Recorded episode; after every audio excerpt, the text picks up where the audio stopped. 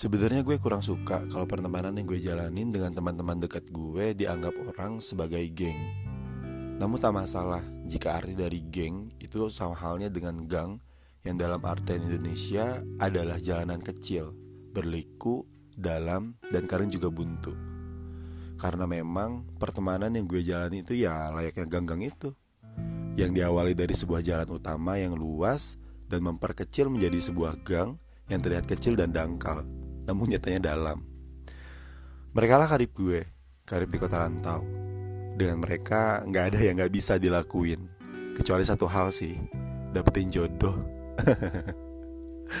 kalau kata kerennya sih, mereka itu the whole package.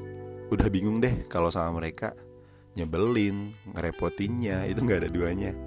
Kesel udah sering, marah juga pernah, tapi tetap mana-mana barengan.